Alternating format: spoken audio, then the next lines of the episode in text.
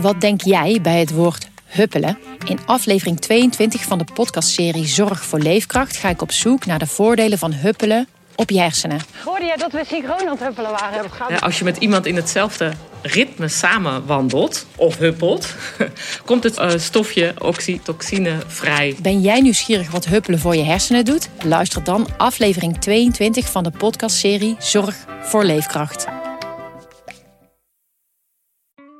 In de podcast Radio Romano met Noortje Veldhuizen. Met Marcel van Roosmalen. En met Roelof de Vries. Brengen we alle drie elke week een zogenaamde signalering mee. Wat heb jij nou weer bij je? En aan het eind bepalen we wie de winnaar van de week is. Echt een angstcultuur. Lege huls die je er bent. Ja, dat gaat eigenlijk altijd onvriendelijk. Luister nu naar Radio Romano bij Podimo. Via podimo.nl slash Radio Romano luister je 30 dagen gratis. Dit is Man met de microfoon. Met echte en bijna echte verhalen uit een stadswijk. En mijn naam is Chris Baayema. En dan zeg ik, dit is de laatste. En dan de check onder de kraan houden. En daarna weer een uur later nieuwe halen. We maken er weer een hartstikke fijne dag van. En ik dacht, oh, gaan die allemaal mee naar Harderwijk? Dat stonden we dan daar avond in, avond uit uh, te spelen. Tot... Uh, vermoeienis en ergernis. En toen zei ik tegen hem, this is gonna be a bumpy ride, isn't it? En die man die zei toen alleen maar, has it been a bumpy ride so far? Ja, welkom bij het derde seizoen van Man met de microfoon. Um, ja, het heeft een hele tijd geduurd, maar er komen dus zes nieuwe afleveringen aan en dit is de eerste. En er is uh, ook van alles weer gebeurd. Uh, onder andere heb ik gespeeld met Man met de microfoon uh, de voorstelling Spanning en Sensatie op een rondvaartboot op de parade in Amsterdam. En ja, dat was ontzettend leuk om te spelen en het was ook een groot succes. En uh, hou het in de gaten, want waarschijnlijk volgend jaar aan het begin van de zomer is er een reprise. En dan heb ik meteen nog iets, want op 14, 15 en 16 december Um, mag ik drie avonden vullen in de Rode Bioscoop in Amsterdam. Dat heet dan laboratoireavonden. Nou ja, ik mag mensen uitnodigen en uh, drie avonden verzorgen. En um, ja, ik kan zeggen, ik heb mijn vaste, ja, en ook eigenlijk gewoon wel lievelingsactrice Cecile Heuyer gevraagd. En muzikant Jan Groenteman. En, en, oh ja, op een van de avonden een special guest. Namelijk Paulien Cornelissen, toch? Ja, Paulien. En wat gaan jullie dan doen? Dat weet ik nog niet precies. Tuurlijk niet, want het is een laboratoire. Het is een laboratoire. Maar je moet er natuurlijk wel bij zijn. Je moet erbij zijn. En daarom, Chris, oh, ja. geef je even een website. Een website voor kaartjes. Um, ja, www.rodebioscoop.nl met dubbel O. www.rodebioscoop.nl en rode is met dubbel O. Ik doe ook een link in mijn show notes en op mijn uh, website dan kan je namelijk doorlinken meteen als je een kaartje wil kopen. En um, vul dan even bij de actiecode man met de microfoon in. Want, want misschien krijg je iets extra's. Aha, iets maar extra's. goed, we moeten gaan beginnen. Um, ja, en we weten het allemaal. Ik rij met een rare oranje bus door mijn eigen buurt op zoek naar verhalen. En ja, meestal begin ik gewoon ergens. En dit keer begon het zo. We sluiten vandaag om vijf uur. En ja, dit gaan we opstaan voorlopig even. Dit is David Jas. Hij heeft een noten, zuidvruchten en koffiewinkel. En als ik langskom, is het de laatste dag dat hij open is. Hij gaat ermee stoppen, want... Ja, uh, niet, niet genoeg klanditie en de prijzen van noten en zuidvruchten is uh, helaas dermate gestegen... dat je dan ook ziet dat uh, klanditie het te duur wordt. En dus is dit zijn allerlaatste klant. Ja. Dankjewel. nou, wat je ook gaat doen, heel veel succes, ja? Oké. Okay,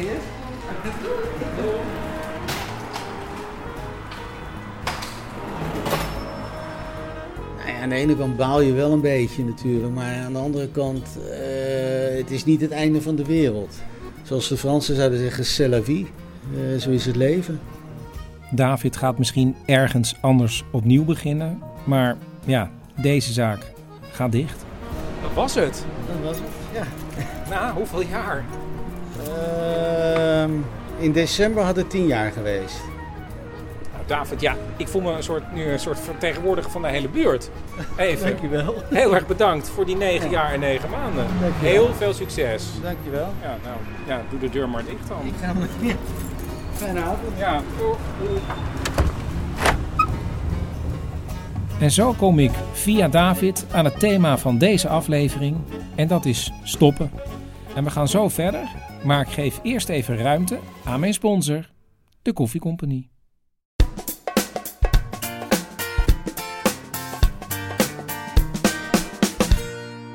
Hey allemaal. Hallo. Welkom in je eigen winkel. Ik geloof dat jullie het allemaal spannend vinden. Natuurlijk vinden ze het spannend, Lucas, want jij bent een van de twee juryleden. En dit is de voorronde van de Barista Cup van de Koffiecompagnie. Elke barista in het filiaal hier in de Beethovenstraat moet vijf verschillende kopjes koffie zetten in vijf minuten. En er wordt gelet op techniek en smaak. Zeg maar als je klaar bent, Jeroen. Eh, start. En daar gaat hij. Hij gaat maken een cappuccino, een cortado, een latte, een flat white en een espresso. En het moet perfect. En omdat hij zo zenuwachtig is, trillen zijn handen. En dat heeft bij de cortado bijna tot gevolg dat het er overheen gaat als hij het neerzet. Nee, net niet. Drie, vier, vijf minuten de tijd is voorbij. En hoe ging het, Jeroen? Ja, ik was gewoon heel gefocust en ik hoorde wel dat mensen bijvoorbeeld dingen zeiden, maar dat ging dan een beetje langs me, dus ik ben eigenlijk wel tevreden. Ik vraag of ik een van zijn koffies mag. Die. Oh, de flat white, ja, je gang. Dat is mijn favoriete drankje. En flat white is ook mijn favoriete drankje. En ja, Yes? goed hoor. Yes, die kan ik in mijn zak steken. Man met de microfoon wordt mede mogelijk gemaakt door Koffie Company. De lekkerste koffie in de buurt en bij je thuis. Kijk op koffiecompany.nl voor vers gebrande koffie, simpele zetapparatuur en tips en uitleg hoe jij ook goede koffie bij je thuis kan zetten. Ja, het thema van deze aflevering is dus stoppen. En ik heb weer echte verhalen, maar ook bijna echte verhalen zoals deze. In een van de ronde flats langs de rivier heeft een vrouw heel lang geaarzeld met opbellen, maar ze heeft het gedaan en er wordt opgenomen. Margreet Ridder? Uh, Margreet, uh, met Ans. Ans, leuk dat je belt. Uh, nou Margreet, ik, ik vind dit moeilijk. Maar ik bel jou nu omdat ik wil stoppen met onze vriendschap. Je wil stoppen met onze vriendschap? Ja, ja ik heb het idee, ik, ik, ik moet jou altijd bellen. En als we elkaar dan zien, ik weet niet, ik, ik zie daar tegenop. En het is, het is gewoon niet gezellig meer. Ik voel de hele tijd spanning. Het is echt gezellig meer? Nee. Oh, hoe vaak zien we elkaar nu in een jaar? Ja, uh, een keer of twee. En daar zie je tegenop? Ja. Ja, een beetje wel, ja. Een beetje? Nou, ik zie er dus tegenop. Uh, eigenlijk al sinds uh, Alfred en jij uit elkaar zijn. Sorry. Dat is 15 jaar geleden. Ja.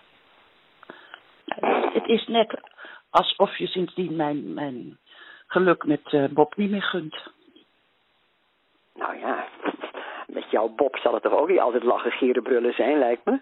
Nou, dat, dat, dat is niet precies wat ik bedoel. Of, nou ja, eigenlijk weer wel. Want nu zeg je dus weer iets wat ik helemaal niet leuk vind. Ans, niet om het een of het ander hoor, maar neem er maar van mij aan. Onze vriendschap is een dieseltrein en die kan je niet zomaar even stopzetten. Een dieseltrein? Mm -hmm. Stoppen gaat je meer energie kosten dan het allemaal rustig laten doorrijden. Ja, maar ik voel dus spanningen. En daar lig ik wakker van. Moet je niet doen, Hans. Margrethe Ridder is een wat typische vrouw. Dat is ze altijd al geweest. En ik weet het, want ik ben Margrethe Ridder. Luister, we kunnen beter afspreken om naar een tentoonstelling te gaan. Foam. Foam? Ja, Foam. Fotografiemuseum Amsterdam. Ben je er al eens geweest? Nee, daar ben ik nooit geweest. Nou, doen we toch dat. Ja, ik weet het niet hoor. Nou, ik bel jou en nou is het opeens dat jij met allerlei even, dingen mag, gaat komen. Even, eventjes, heel even. Uh, nou, ik zou volgende week donderdagmiddag kunnen. Uh, het komt toch altijd van mij uit? Maar ik zeg toch net van die tentoonstelling? Ja, maar ik moet jou toch altijd bellen?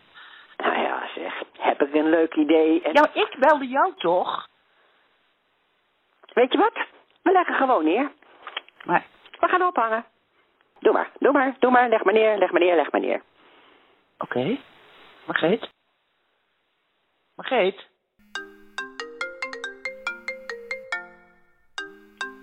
Het Ans van de Hoek? Ans, Margreet hier. Ik dacht, ik bel weer eens eventjes. We hebben elkaar te lang niet gesproken, lieverd. En ik pak nu even een agenda erbij om een afspraak te maken. Wat denk jij van een uitje naar het Foam? Dat schijnt echt een geweldige tentoonstelling te zijn. En wie weet kunnen we daar dan gezellig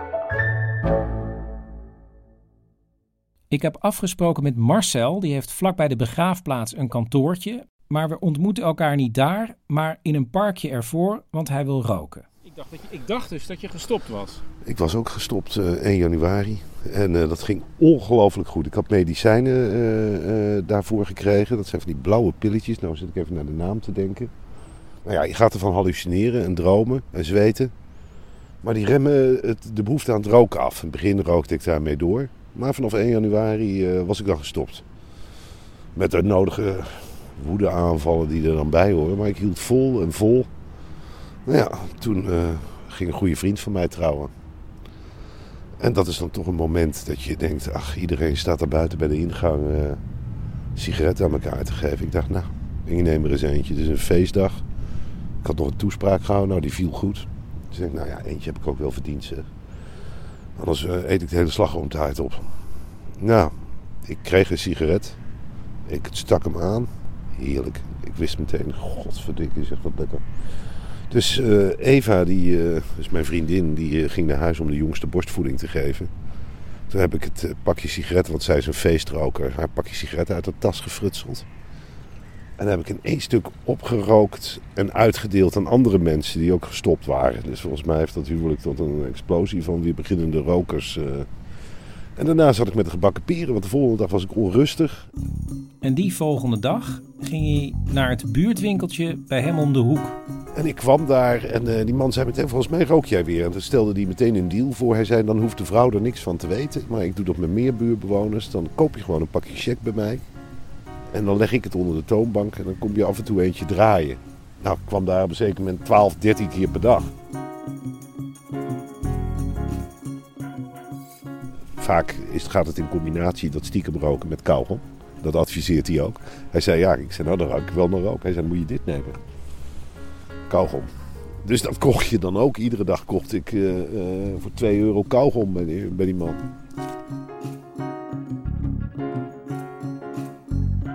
Maar zo hou je jezelf wel bezig. Op een zeker moment kom je echt in de knel met Maar weer. Eva had helemaal niks door. Jawel, zei op een gegeven moment, wat ruik je toch naar rook?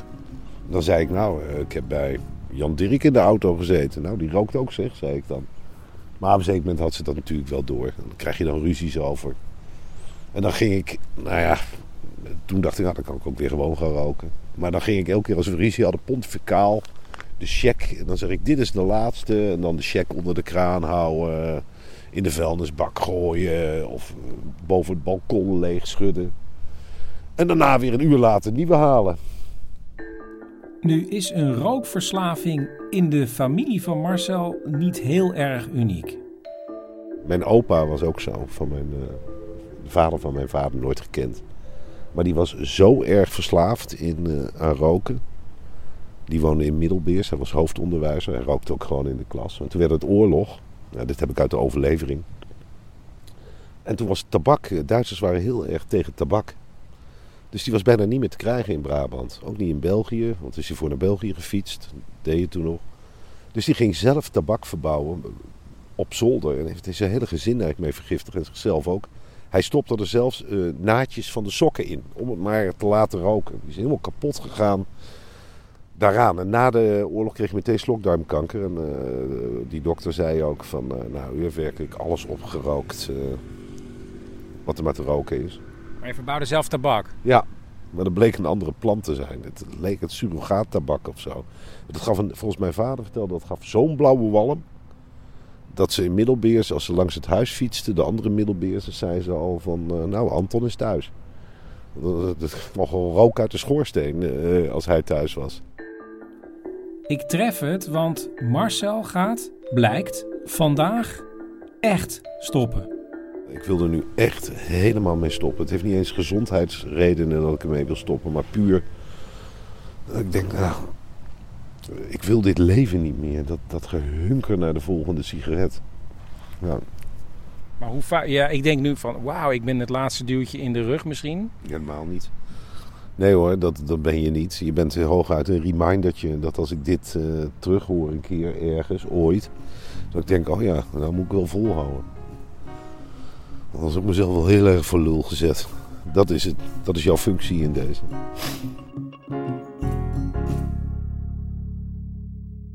Voor alle mensen die eh, trouwe luisteraars zijn eh, en die vragen... Chris, wanneer komt je moeder nou weer eens langs? Heb ik goed bericht? Hier is ze met een verhaal uit haar vroegste jeugd. In de vakantie mocht ik wel bij mijn grootouders logeren en dat wilde ik best graag. Liefst wilde ik dat mijn zusje ook meeging, mijn oudste zusje. Maar ja, soms gebeurde dat niet. Maar mijn grootouders woonden in een groot huis beneden. Dat was hun verblijf. Op de eerste verdieping en ook de tweede verdieping woonde mijn oom en zijn gezin. Dus als ik alleen was, was ik meer boven dan bij mijn oma beneden. Waar ik dan wel weer drie spelletjes domino mee moest spelen. Nou ja, en toen zei mijn oom op een gegeven moment... Goh, Ger, ga je morgen soms mee naar Harderwijk? Nou, ik vond het geweldig lekker naar Harderwijk. En dus staat mijn tienjarige moeder de volgende dag met twee dubbeltjes van haar grootmoeder om iets lekkers te kopen, te wachten op haar oom. Oom kwam naar beneden en eh, zei: "Eh, We gaan. Nou, ik met hem mee staat er een busje voor de ingang van de tuin.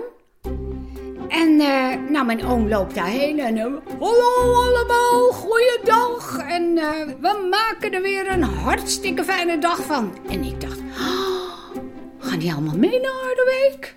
Ik dacht gezellig met mijn oom alleen te gaan.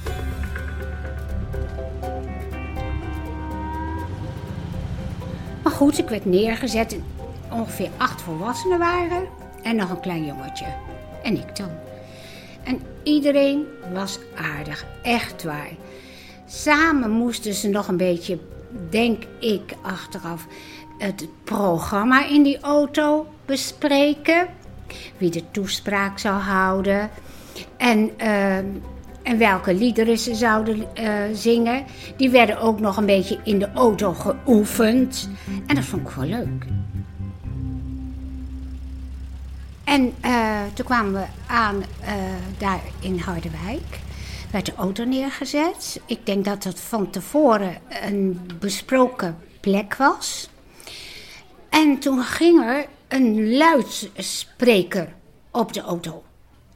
Waar hij opeens vandaan kwam, weet ik niet, maar opeens stond daar een luidspreker. Nou ja, en die deed het ook nog, hè, want eh, net wat jij ook wel doet. Nou, doet het. Nou, en toen we- werd er gezegd, nou, ook de Heer is op de markt. En dat laten we zien en horen door onze blijheid. En hoor onze getuigenissen. En toen opeens werden wij allemaal in een, in een eh, eh, halve cirkel neergezet. En de een had een blokfluit, één was er met een. Die had ook gespeeld trouwens in de auto al. Eh, de gitaar had ook al gespeeld. Eh, er was. Nou ja, er waren allerlei instrumentjes. En voor mij en dat jongetje, ik kreeg de tamboerijn en dat jongetje kreeg eh, een, een stokje waar allemaal, het leek wel kleine dekseltjes tegen elkaar gingen, maar dat rinkelde ook heel erg goed. En ik werd naar voren gezet, dus je moet voorstellen, die hal- halve cirkel. En ik met het jongetje stonden echt in het midden van die halve cirkel. Nou, en toen gingen ze zingen. Ik heb geloof ik de tamboerijn helemaal niet eh, laten eh, tingelen, helemaal niet. En ik heb er zeker niet met mijn hand zo op gedaan, want ik, ik vond het vreselijk zoals ik daar stond. Ja, en toen heeft die mevrouw me nog eh, aan mijn schouders vastgepakt. Zo van, nou, hè, een beetje vrolijk, een beetje blijer. Nou, ik, ik stond als een paaltje. Want je moet je voorstellen, de mensen ja, die op de markt liepen, die komen natuurlijk ook langs dat busje. En toch nieuwsgierig, wat gebeurt daar?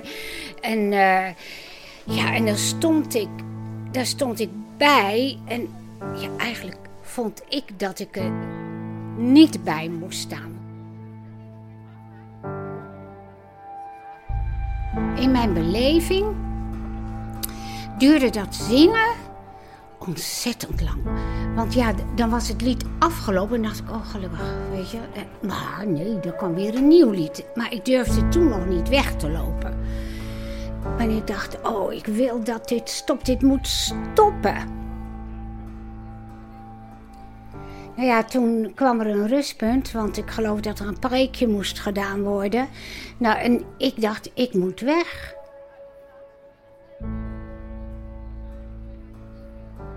Ik heb de tamboerijn neergelegd. Ik voelde het dubbeltje van oma in mijn zak. Ik dacht, eerst een ijsje. Toen ben ik gelopen nog een ijsje. Toen ben ik teruggegaan naar het groepje en ik zag dat ze bezig waren een beetje, dacht ik, aan het opruimen.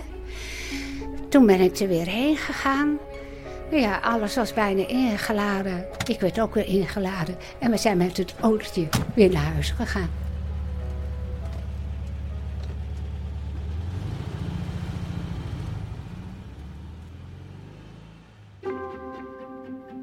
En toen kwam ik bij oma en die zei, en, hoe was het? Ik zei, nou oma, ik heb twee lekkere ijsjes voor je dubbeltjes gekocht. Een roze en een witte. Maar vond je het heel erg leuk? Vond je het leuk? Toen zei ik, nou, ik moest met de tamboerijn spelen en dat, dat heb ik niet gedaan. Nou, zei oma, dat zou ik ook niet doen. En toen zijn we gaan dominoën.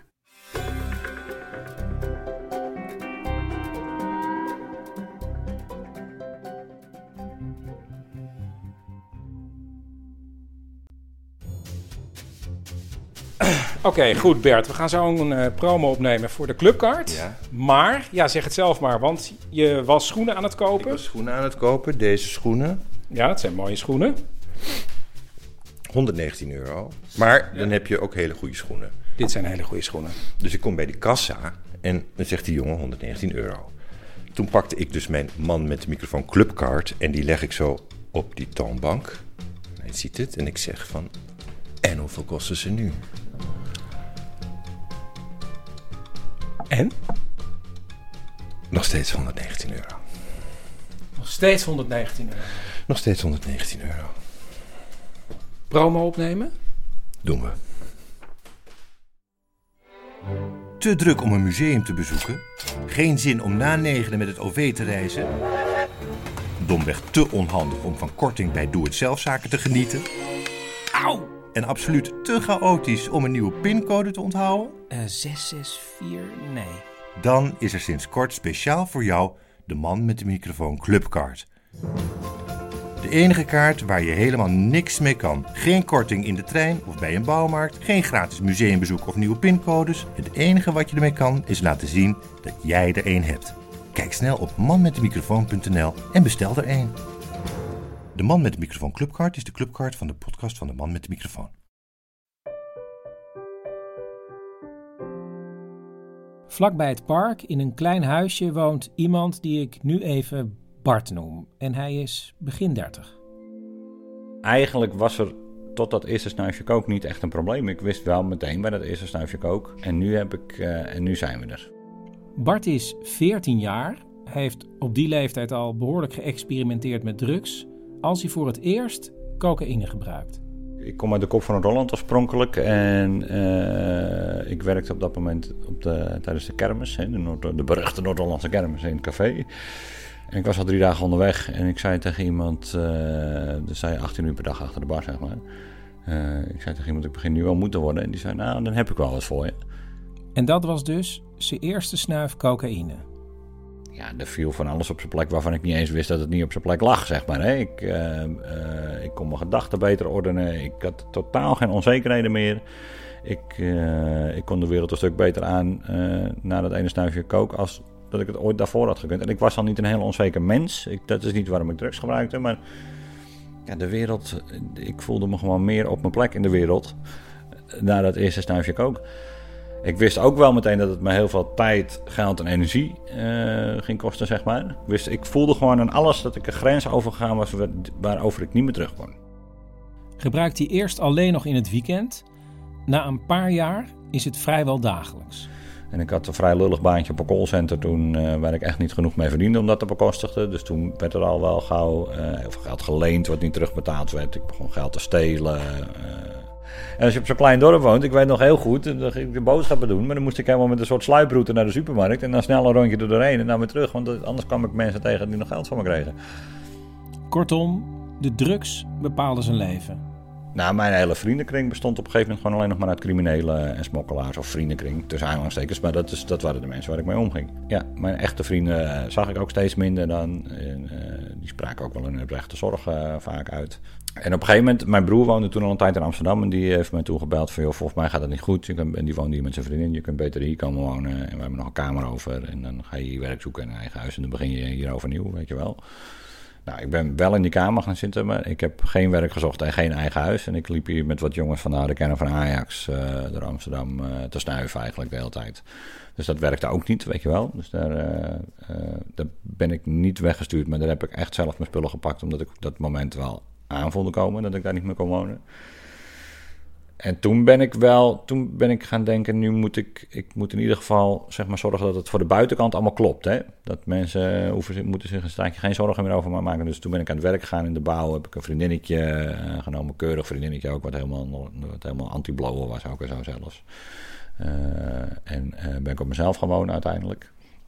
En ik had in, in mijn huis gewoon verstoppelijke voor, voor als mijn vriendin er dan was dan verstopte ik de kook tussen de handdoeken in de badkamer, zodat ik tussendoor nog wel uh, uh, kon gaan snuiven, zeg maar.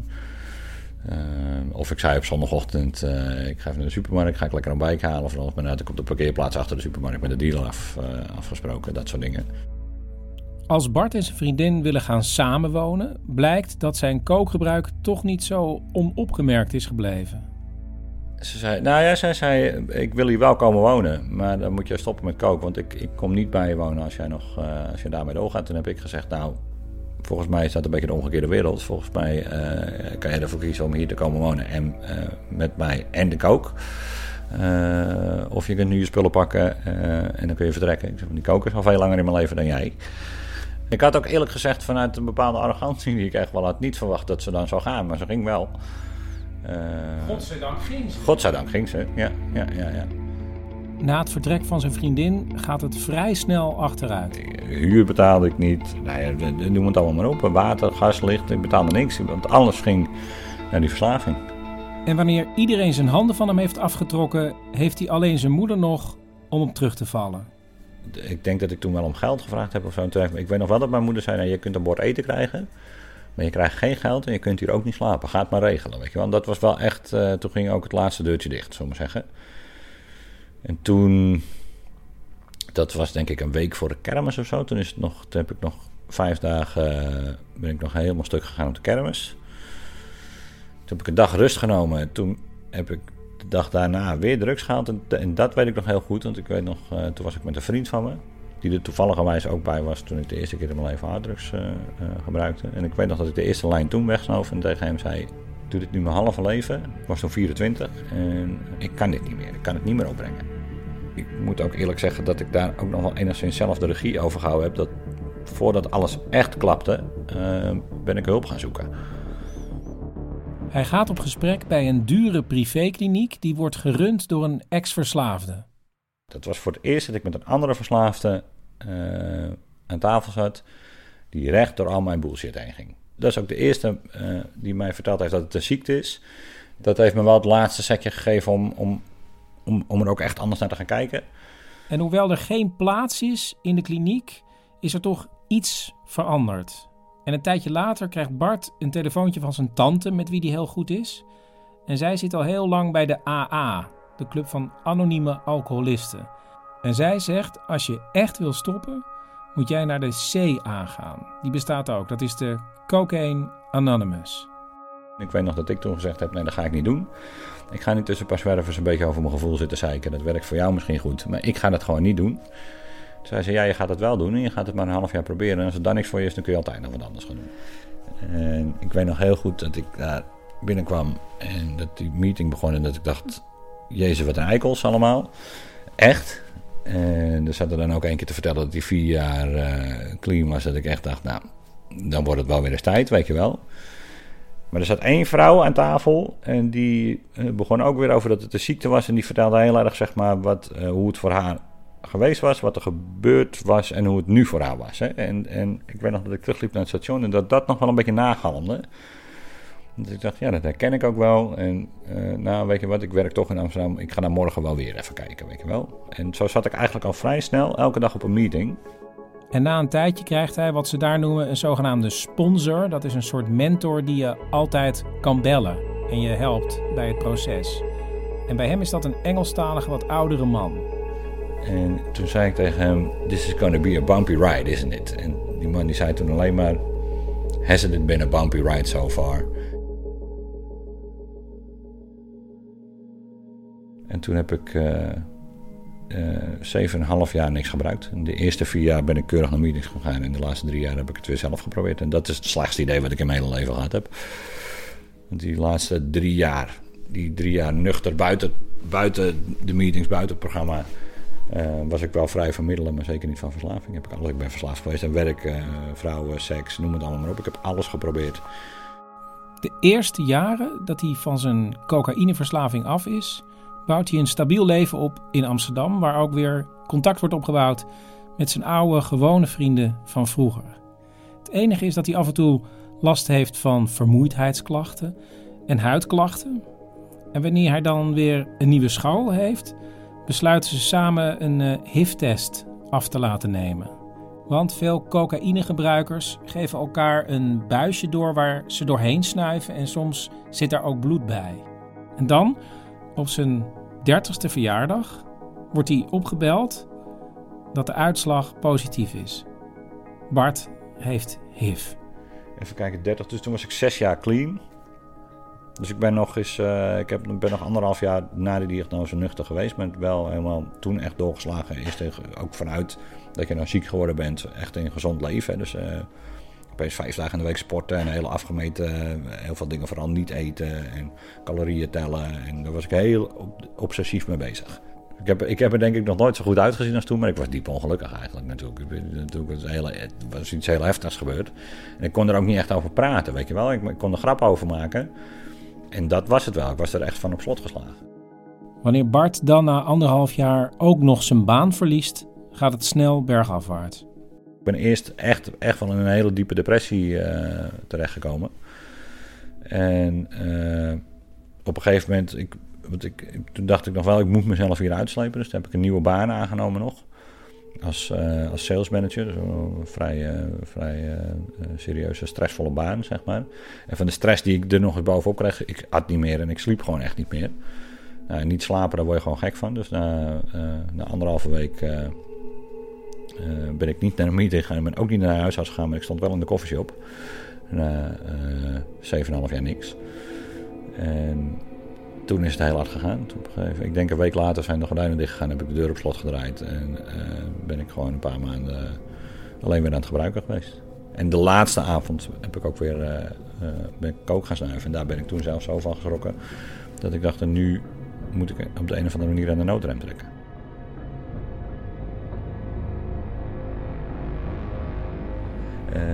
Ik had nog één telefoonnummer van iemand van de meetings. Die heb ik uh, midden in de nacht nog een berichtje gestuurd. En die stuurde gelijk een, een berichtje terug de volgende ochtend met heel simpel de tekst. Wat kloten dat je teruggegaan bent naar die plek. Begin gewoon overnieuw met uh, de tijd en de plek van de meeting van die avond. Dus ik ben toen weer nuchter geworden op 3 juni 2015 was dit. En ik doe het nu ook echt op dagelijkse basis. Dat heeft hij terug van mij echt wel geleerd. Het is iets wat ik niet... Uh, ik ben op geen enkel moment afgestudeerd en ik krijg een stempel en uh, kan de wijde wereld weer in. Ik kan wel de wijde wereld in als ik dat weer wil, maar ik weet het, hoe dat voor mij afloopt. Weet als het leven ingewikkeld wordt, dan heb ik maar twee manieren om daarmee om te gaan. Dan ga ik of gebruiken, of ik ga naar een meeting. Soms kan je met iets in één keer stoppen. Maar Bart is elke dag aan het stoppen. Hij is nu twee jaar clean en het gaat goed met hem.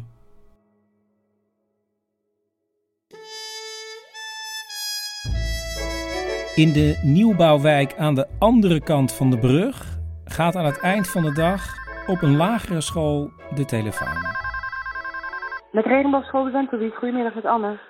Ja, goedemiddag. Eh, ik bel even over mijn zoon Willem. U bent zijn juf, toch? Eh, ja, ja, wat is er aan de hand? Nou, ik belde even over het incident van vanochtend. Incident? Ja? Eh, welk incident zou dat dan moeten zijn? De rekenles? We hebben inderdaad gerekend, ja. Ja, mijn zoon heeft heel duidelijk te kennen gegeven dat hij zich daar niet prettig bij voelde. Eh, ja, ja, heel veel kinderen vinden rekenen niet leuk. Ik ook niet. Maar eh, ja, we hebben dat toch nodig, hè, deze maatschappij. Ja, dat is even beside the point, mevrouw. Het gaat erom dat in het statuut van Regenboogschool de Wentelwiek staat dat leerlingen leren omgaan met het eigen en andermans gevoelens door duidelijke communicatie. Ja, maar... en daar staat eh, ook, en ik citeer even een moment, mag ik even een moment alsjeblieft? Mhm. Ja, ja, hier. Bij, bij reizende conflicten wordt het kind aangeleerd om duidelijk stop, hou op te zeggen, om al dus het conflict te de-escaleren. Maar er- was bij mij weten geen conflict, hoor. Met, met wie had hij een eh, conflict? Ja, zeg, met u. Ja, met de rekenles. Met de status quo. Hij heeft aan het begin van de les heel duidelijk stop, hou op gezegd. En toch ging u door. Ja, maar... Ja, practice what you preach. Als u, als u de kinderen zelf leert om te zeggen stop, hou op. Dan is het natuurlijk een beetje volstrekt belachelijk als u zelf dan gewoon doorgaat. Wat, wat voor boodschap is dat? Mijn Nou, ik, ik kan u wel even uitleggen in welke situatie... Maar nee, er wordt alleen stop- gestopt als dat het heersende gezag uitkomt. Het is altijd hetzelfde. Wij hebben verdomme, mijn vrouw en ik hebben heel bewust voor de regenboogschool de Wentelwiek gekozen. Maar als er dan zulk soort misstanden aan het licht komen, dan, Stop, dan ben ik dus- dat, wat, wat? Stop, hou op. Eh, oh, Nou, dan zijn we niet klaar, denk ik. Goedemiddag. goedemiddag.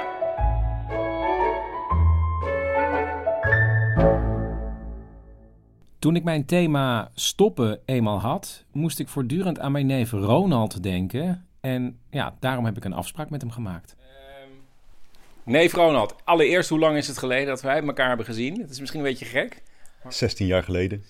Toen zijn wij nog een keer met ehm, al onze broers en zussen en andere neven en nichten eh, uit eten geweest. Wat mij bijstaat. Ja, de zes neven en nichten van Baaiemakant waren een beetje uit elkaar gegroeid. Het grappige is wel dat na aanleiding van dit gesprek hebben we weer een afspraak gemaakt. Maar daar gaat het niet om. Eh, het gaat erom dat 16 jaar geleden vertelde Ronald dat hij gestopt was met gitaar spelen. En dat was voor mij, en niet alleen voor mij, een hele grote verrassing. Nou, ja, ik kende jou van vroeger. Ja, we gingen natuurlijk als neef en nichten heel vaak met elkaar om. En jij was totaal gefascineerd door de elektrische gitaar. je, je, ik weet wel, je had eerst een akoestische gitaar. En elke keer als ik bij jou thuis kwam, dan stond daar een spaarpot voor een elektrische gitaar. Ja, ja. Toch? Ja, dat klopt. Dat is vanaf mijn zesde jaar zo'n beetje begonnen. Toen ben ik met gitaarspelen begonnen. En toen was het allemaal nog gewoon oké, een soort van normale hobby. Gewoon één keer per week les en thuis een beetje spelen. Maar toen ineens op de middelbare school, toen was ik denk ik een jaar of 13, 14. Toen kwam die elektrische gitaar en toen nam er een soort bezetenheid zich van mij Echt meester. bezeten? Ja. En toen heb ik echt ook, ik denk wel, vanaf dat moment in een soort van tunnel gezeten. Met eigenlijk niets anders bezig bent geweest in, in praktische zin, maar ook in mijn hoofd. Dus dat, dat ging continu maar door. Dat alleen maar dat willen doen. Ja, of je dat obsessief kan noemen, dat weet ik dan ook niet of zo. Maar een soort van gefascineerd, totale focus. ehm, ja, veel ruimte voor andere dingen was er niet. Ronald was altijd bezig met muziek maken. En eh, hij heeft nog wel geprobeerd, waarschijnlijk omdat zijn ouders zeiden: ja, je moet toch voor zekerheid kiezen om rechten te gaan studeren. Maar na een paar weken stond hij al in het kantoor van zijn vader bij zijn bureau om te zeggen: dit kan ik niet. Ik moet naar het conservatorium. En dat heeft hij toen ook gedaan. Hij is naar Rotterdam gegaan. En daar vond hij ja, geestverwanten waarmee hij fanatiek kon gaan spelen. Ehm, en dat is natuurlijk best wel experimentele muziek die gewoon heel moeilijk aan de man te brengen is. Dus dat is gewoon in kleine kroegjes staan voor een paar man. En dat waren gewoon de meest gave dingen. Dat je gewoon helemaal je eigen ding staat te doen. En dan ook dat je met vijf of zes man op zo'n podium staat en gewoon volledig staat op te gaan in wat je doet. Ik ben nog bij zijn uh, afstuderen geweest en neem maar voor mij aan, Ronald was een hele goede gitarist. En na zijn afstuderen is hij ook bijvoorbeeld gaan spelen in de band van Karin Bloemen en Lucretia van der Vloot. Maar zijn geld verdiende hij voornamelijk door te spelen in een band die optrad op trouwerijen. En dan is het niet meer de experimentele muziek voor twintig mensen met je vrienden, maar ja. Nou, dat zit heel erg wel in het genre van uh, I Will Survive of zo, dat soort, uh, dat, dat soort dingen. Ja, en omdat ze een goede band waren, hadden ze op een gegeven moment 100 bruiloften per jaar met I Will Survive. Ja, dat stonden we dan daar avond in, avond uit uh, te spelen. Tot vermoeienis en ergernis.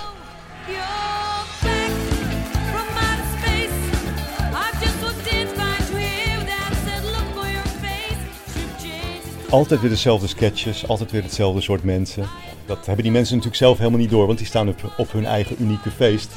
Maar voor mij was het gewoon één, één, één pot nat. En dus speelde mijn neef na een tijdje. Gewoon volledig op de automatische piloot. Je zet gewoon dat ding weer aan. En op een gegeven moment gaat je hand gewoon weer bewegen. En zo stond ik er ook op een gegeven moment naar te kijken van ja, die hand die doet het nu gewoon. Maar um, wil ik dat nog wel? En dat, dat is natuurlijk, natuurlijk wel een soort rare gewaarwording of zo. Dat, dat die hand dit maar staat te doen en dat er ook momenten kwamen dat die hand dit niet meer wilde doen. Dat die hand die beweging ook niet meer wilde maken. Zo'n dat soort gedachten had ik dan ook tijdens het spelen. Van die heeft de energie niet meer om dit te kunnen blijven doen. Nou ja, op het moment dat dat gebeurt, dan moet je wel even gaan afvragen natuurlijk uh, ja, waar je mee bezig bent. En dus komt voor velen het verrassende moment waarop mijn neef weet, deze bruiloft, dat is mijn allerlaatste optreden. Dus, het is gewoon je gitaar in, in die kist gedaan? Ja, ja mijn spullen um, weer thuis uh, uitgeladen en, uh, en binnengezet. Um, en, en het hoefde niet meer en het was klaar. En even voor de duidelijkheid, hij is niet alleen gestopt met optreden. Nee, hij is ook helemaal gestopt met gitaarspelen. Ik ben gewoon ook wel iemand die drastische beslissingen kan nemen in mijn leven. In de zin van het is alles of niets. En als ik op een gegeven moment merk van het gaat niet meer, dan kan ik ook heel drastisch gewoon ja, de stekker uit dingen trekken. En dan is het mooi geweest. En dan verbaast dat een hoop mensen in mijn omgeving. Maar dan gaat dat dus gewoon zo. Je hoort wel eens hè, van die mensen die een uh, gewone kantoorbaan hebben en nog altijd dromen van muzikant worden. En soms die stap nog een keer maken. En eigenlijk heeft mijn neef precies het tegenovergestelde gedaan. Ja, wel een saaie kantoorbaan gaan doen. Tussen aanhalingstekens. Ja, maar dus naar alle tevredenheid. Naar alle tevredenheid, ja. Ben ik heel blij mee. En dat is gewoon een, nu voor mij een veel gezondere verhouding dan dat je alleen maar continu dag in dag uit je hele leven lang met één ding bezig bent. En uh, ik heb er ook nooit eigenlijk ook maar één seconde uh, spijt van gehad. Helemaal nooit.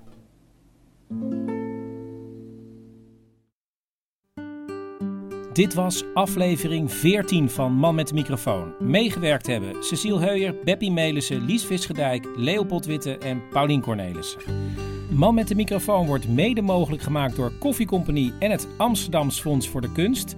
En uh, wil je een t-shirt of een clubkaart? Ga dan even naar manmetdemicrofoon.nl. Daar staat onder andere ook de link naar uh, die avonden in de Rode Bioscoop. Waarom zeg je nou rode met een naam? Maakt niet uit. Um, ja, dat was het volgens mij. Tot over een maand. Oh ja, en er zit altijd iets uh, nog na de eindtune, hè? Dus dan moet je ook even... Oh ja, delen! En comments achterlaten in de iTunes Store. Dat helpt echt. Nou, dat was het.